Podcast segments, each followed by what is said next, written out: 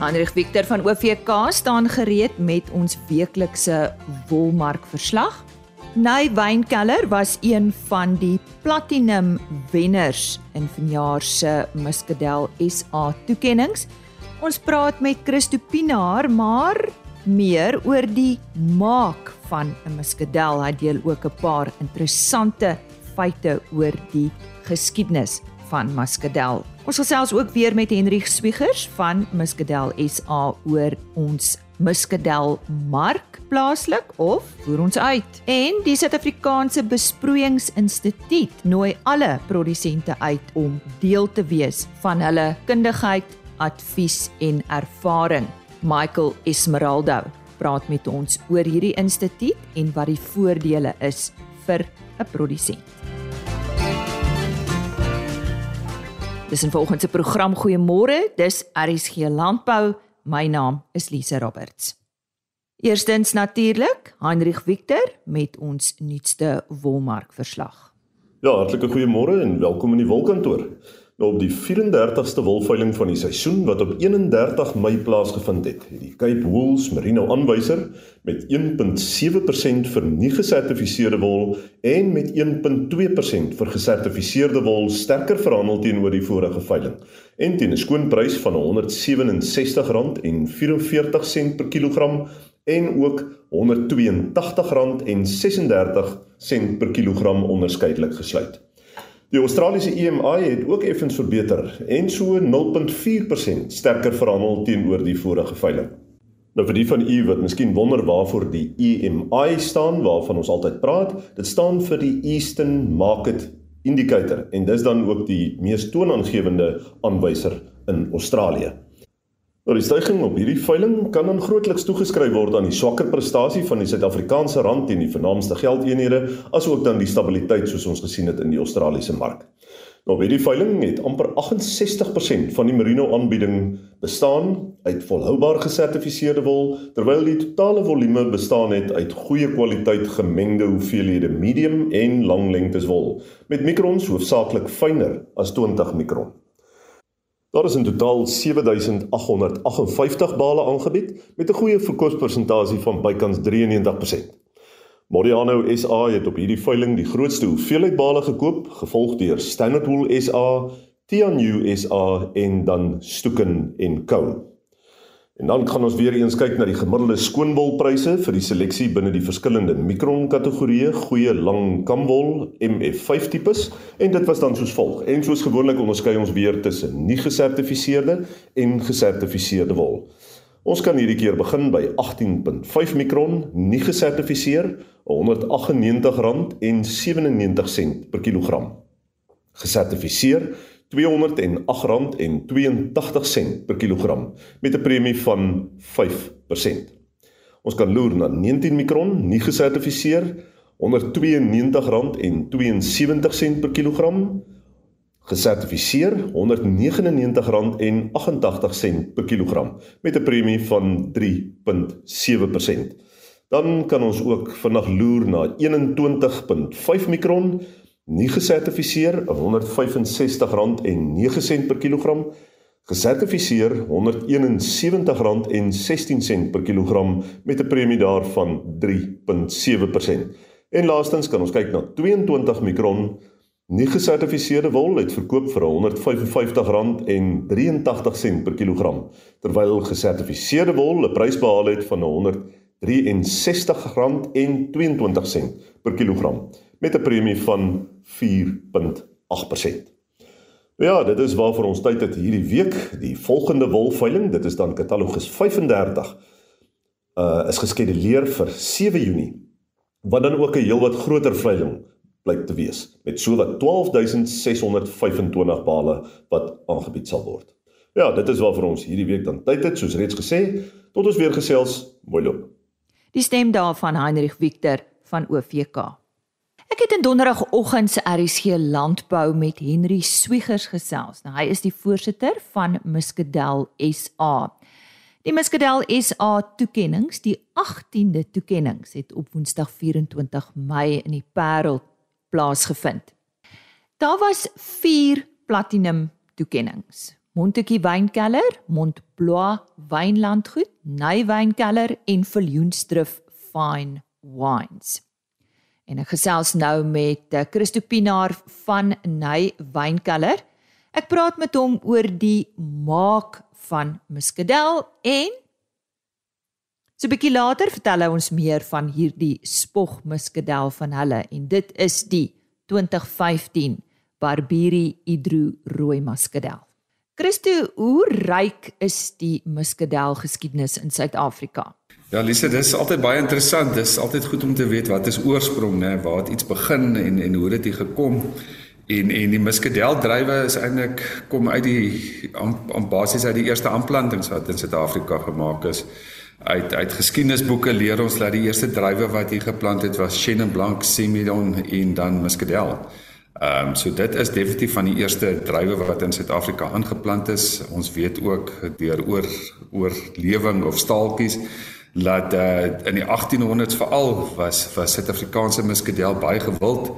Ek dink seker die bekendste storie is van Napoleon Bonaparte wat op St Helena Bay in in in aanhouding basies nog aangedring het hy soek hy soek Constantia Muscadel jy weet en as ons praat van Constantia kom ons wees dan nou oop en eerlik dis dan nou basies waar die wynbedryf dan ook ontstaan het en dis goed en lekker om te sê dat Muscadel was deel van daai basies die begin stadium of die geboorte van die wynbedryf in Suid-Afrika. Jy weet uh, Constantia het nou nog 'n uh, 'n uh, wyn Grand ehm um, Grand Constance of of uh, ja Winde Constance en dan Grand Constance Constantia ja en daai Grand Constantia was dan die wyn waarna ek nou verwys wat Napoleon Bonaparte dan nou basies op aangedring het en uh, hoe lekker om te sê Ehm um, jy weet baie keer, ekskuus ek brei miskien op baie uit, maar baie keer vra mense hoe goed verouder muskadel en miskien kom ons later in ons gesprek daarby.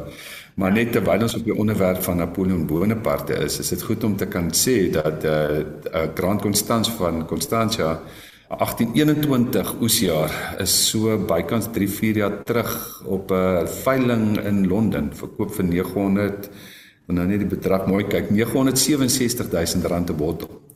Ehm um, so daar's daar's waarde in in muskadel veroudering en daar's waarde in in goeie muskadel, goeie Suid-Afrikaanse muskadel. So dit in 'n netedop is is seker die geskiedenis van muskadel in Suid-Afrika, ja. Wat is muskadel? Ja, daai vraag kry baie. Ek dink daar's baie verwarring rondom muskadel, Jeripico port, Hannepoot. Ehm um, dit is dis basies wat die mense baie veel vra op op wynpro dan ook. Kom ons begin by port. Ehm um, port is basies 'n uh, 'n versamelnaam wat jy kan gebruik vir enige wyn wat dan basies gegis is. Ehm um, ek gaan nou verduidelik die verskil tussen Jeripico en en port. 'n Portwyn is dan gewoonlik gegiste wyn. Dit kan 'n rooi wyn of 'n witwyn wees of 'n portkultivar enige iets waar wat jy basies wil gebruik. Jy pluk dit natuurlik baie soet en dan uh, die druiwe en dan gis jy dit basies halfpad af. En meeste porte in Suid-Afrika deesdae is hier in die omgewing van 100, kom ons sê 100 120 gram liter, liter suiker. Nou dis 'n wyn wat dan basies halfpad gegis is en toe is die gistingsproses gestop met ehm um, gewoonlik brandewynspirits waarmee hulle dit fortifiseer. Sodoende kry jy dan jou lekker hoë alkohol hier rondom die 16 en jy jy preserveer dan die suiker van om en by 100 120 gram liter. So dis port. Uh kom ons vat dan Jeripico. Jeripico is basies ook enige druiwe wat jy kan gebruik. Jy uh, as jy die term Jeripico gebruik, maak jy nie aanspraak op 'n cultivar nie. So in die geval kom ons sê dis 'n dis 'n Hannepoot Jeripico. Dan is dit Hannepoot druiwe wat ook op 'n baie volryp ehm um, suiker gepars word.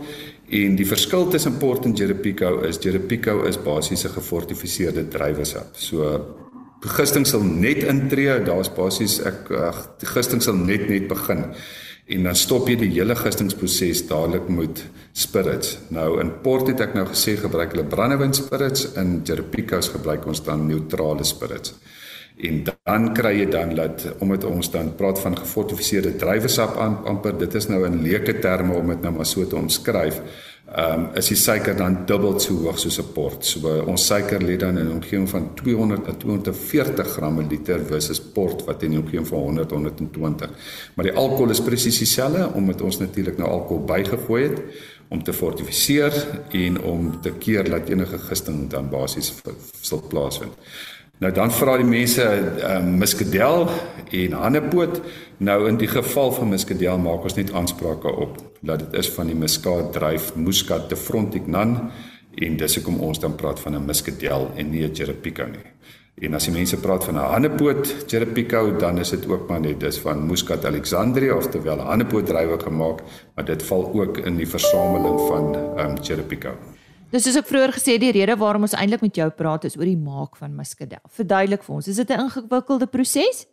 Lisa, ek dink die die uitdaging met muskadel en dit is hoekom dit so belangrik is, waar is die oorsprong of die terroir is maar die Franse term wat ons gebruik rondom wyn maak. Uh omdat ons die druiwe in baie volryp stadium moet pluk. Jy weet, dis amper soos rosientjies wil ek amper sê wat jy pluk. Ehm um, kan jy nie bekostig dat enigsins dit ehm um, jy weet bedompig of uh, bedompige klimate is wat wat lei tot allerlei swamsiektes in die druiwe nie. So om die druiwe gesond te hou tot op so 'n ryp stadium is dit dan gewoonlik in, maar meer kom ons sê in die in die droër dele van die wynlande waar muskadel gemaak word. Die uitdaging met muskadel en ek dink dit is hoekom ons miskien as muskadel partykeer voel ons kry nie altyd die erkenning versus baie ander kultivars nie. As jy byvoorbeeld 'n kom ons ons kan nou enige rooi kultivar vat, kom ons vat Shiraz. As jy 'n Shiraz dryf vat, het jy basies kom ons sê die beste van 4, 5 dae op die doppe om daai drywe uit te gis en en al jou ehm um, jy weet jou giste en jou aanvulle jou jou byvoegings het sy suur of wat ook al byvoeg het jy kom ons sê 'n omgewing van 5 dae en dan het jy nog 'n lang proses daarna om jou wyn te verouder en te filtreer en al sulke goed. In die geval van muskadel en dis die uitdaging. Jy het basies 48 uur om daai wyn te maak. Van daai druiwe gepluk word tot hy in die kelder inkom tot jy hom moet skei van daai doppe af, moes jy al die rosientjie karakter uit hom geëkstraheer het. Jy moes enige kleur klaar geëkstraheer het. Ehm um, so jy het 48 uur om daai om daai wyn te maak. Dan gooi jy spirits by en dan van daar af is dit basies maar suur en swaal aanvullings wat jy kan doen. So kom ons kom ons wees eerlik met mekaar. Dis dis dis makliker om te maak, maar jy het 'n baie kort periode waarin jy so wyn moet maak. In die geval sê ek sê 48 uur, dan is die wyn basies klaar, klaar gemaak. Dan moet ons darm oor julle wen resep gesels en dit is die 2015 Barberi Hydro Rooi Muscadel wat natuurlik een van die top 4 platinum wenners was. Lise, dis dis reg, Barbiri Hydro. Ek gaan vir jou die storie agter dit ook vertel. Maar ek dink die interessantheid ek het nou 'n bietjie vroeër verwys rondom portproduksie en uh, hoe port gemaak word. En en port het natuurlik verskeie klasse um, wat hulle inmaak. En uh, ons het so ag ek het dit seker so 10 jaar terug goed gedink om om bietjie die port uh, model aan te neem en ek het muskadel gevat en dit basies vir um in ou ou rooiwynvate um gaan verouder. In die geval het ons die muskadel vir 5 jaar verouder in in ou vate en daardeur amper so half ek wil nie sê 'n portie karakter nie, maar net 'n ander 'n ander dimensie in die wyn ingebring met 'n klein bietjie hout ekstraksie. En uh interessant as jy as jy daai bietjie hout ekstraksie kry. Nou ons praat altyd in hout terme van asetoon en ons praat van hierdie pisang karakters en alles wat jy uit uit veral Amerikaanse uit uit ekstraheer, maar jy kan nou dink 'n rosientjie en 'n pisang gaan eintlik baie mooi saam. So hierdie hout ondertone het het baie mooi die rosientjie karakter ondersteun in die wyn. En dit gee vir ons soos ek sê 'n heel ander dimensie met 'n klein bietjie hout ondertone En dan die ander groot geheim van muskadel en en en ek sê dit nou op nasionale TV of radio gaan maar oor veroudering. Jy weet 'n vars muskadel is nog nie heeltemal so in plek ehm um, omdat jy met spirits werk en jy vermeng dit met druiwesap. Jy kort tyd. Ons praat van die twee moet trou. So jy kan nou vir jouself dink as jy as jy dit in 'n in 'n vat verouder vir 5 jaar dan eh uh, verraas jy natuurlik nie die trouproses nie, maak dit lekker privaat die trouproses wil ek amper sê want jy steek dit weg daar op 'n donker plek in 'n in 'n in 'n faaitjie. En ek dink dit is die dis die resep van dit. Ek ek dink daar's nog baie kellers wat dit doen nie. Ehm um, daar's definitief 'n mark daarvoor. Ehm um, ek dink die verbruiker moet net baie bewus wees daarvan sodra ons as wynmakers bereid is om wyn in vate te sit is dan natuurlik 'n addisionele koste wat ons vra en dit maak die wyn nou ook 'n bietjie duurder. Uh miskien net die interessantheid en ek gaan dit vinnig vertel. Die naam Barbiri Hydro Uh toe ons die houtverouderde muskadel maak, toe soek ons 'n baie mooi naam wat ons kan gebruik om net so 'n bietjie 'n storie agter 'n wyn te sit want die verbruiker hou van 'n mooi storie. En die storie agter die wyn is dan basies Barbirio Idro was 'n uh, Italiaanse krygsgevangene in die Tweede Wêreldoorlog in Ny is hy gevange gehou en um, hulle het op 'n op 'n betrokke dag het hulle muskadel wat in houtvate verouder was want dit is so vervoer was hulle besig om hier in die ny op 'n op by 'n stasie op 'n trein te laai en die vat het losgekom en basies oor hom gerol en hy is op die einde oorlede. So ons het dit toe goed gedink omdat ons werk met 'n oud verouderde muskadel om dan nou die naam te te gebruik. En uh u sal ook sien enige iemand wat die wyn kom koop, ehm um, daar's 'n baie mooi storie, die hele stories op die agter op die agterkant van die etiket. Ons het sy POW of sy prisoner of war ehm um, nommer alles is op die op die etiket ook aangedui en uh, ek dink dit is ook dan 'n mooi storie en dit dit uh, voltooi so half die sirkel rondom iets wat tragies gebeur het hier in die 40er jare en ons vereer dan basies die persoon. En as die mense by nou in die hiel kom kyk het ons het sy familie gehad hulle het 'n grafie vir hom kom oprig na al die jare. So ja kom ons kom ons hoop dis 'n mooi storie en dit is dan seker die sukses rondom die naam en die bemarking ook van die betrokke muskadel En so lekker gesels Christo Pinaar van Ny Wynkelder en ek het hy en ek en hy het vandag gesels oor muskadel in Suid-Afrika. So reg vir hierdie tyd van die jaar. Ons gesels verder oor hierdie gesogte Suid-Afrikaanse produk en praat weer met Henry Swiegers, hy's voorsitter van Muskadel SA. Ons het hom uitgevra oor markte, uitvoere en die prys In Suid-Afrika is so 1120 hektaar muskadel wat uh, dan nou uh, deur wit en rooi muskadel by die area vorm. Dit is omtrent so 2/3 wit en 1/3 rooi muskadel en uh, dit word aangewend vir verskillende produkte, nie noodwendig net vir gefortifiseerde of soetwyn nie.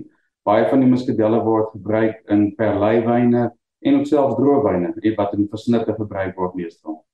Ehm um, muskadel doen wel beter in sommige streke. Ehm um, daar is van jou droë droër streke wat dit ehm um, lekker meer hoë suikervlakke kry wat dan nou jou muskadel muskadel ons praat van 'n soetwyn. So jy moet soet drywe hê om 'n lekker soetwyn te maak. So in jou droër areas uh, in die Klein Karoo was baie bekend voor die groot droogtes wat ons gehad het vir hulle muskadelle. Ek dink van hulle wingerde het 'n bietjie minder geword van al in daai areas.